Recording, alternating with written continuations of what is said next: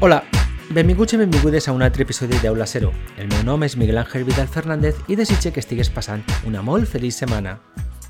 Anem a continuar parlant de la civilització grega i anem a centrar-nos ara a l'època clàssica.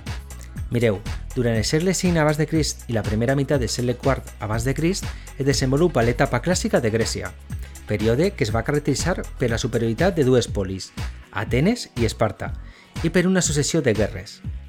Parlarem primer d'Atenes i de l'origen de la democràcia. Atenes constitueix l'exemple més conegut de polis democràtica. Soló, a segle VII abans de Crist, va posar els fonaments de la democràcia atenesa. Les polis es governaven a través de les següents institucions. L'assemblea o eclesia era l'òrgan principal de la decisió política.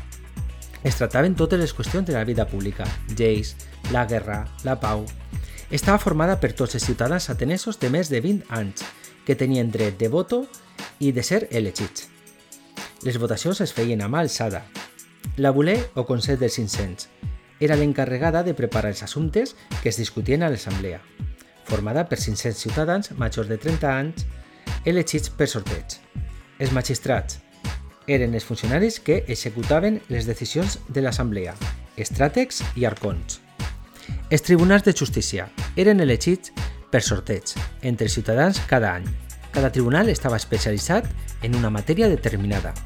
A Atenes, només els ciutadans podien participar en la vida pública, amb plens drets, però no tots eren ciutadans. Les dones, els esclaus i els estrangers no eren considerats ciutadans.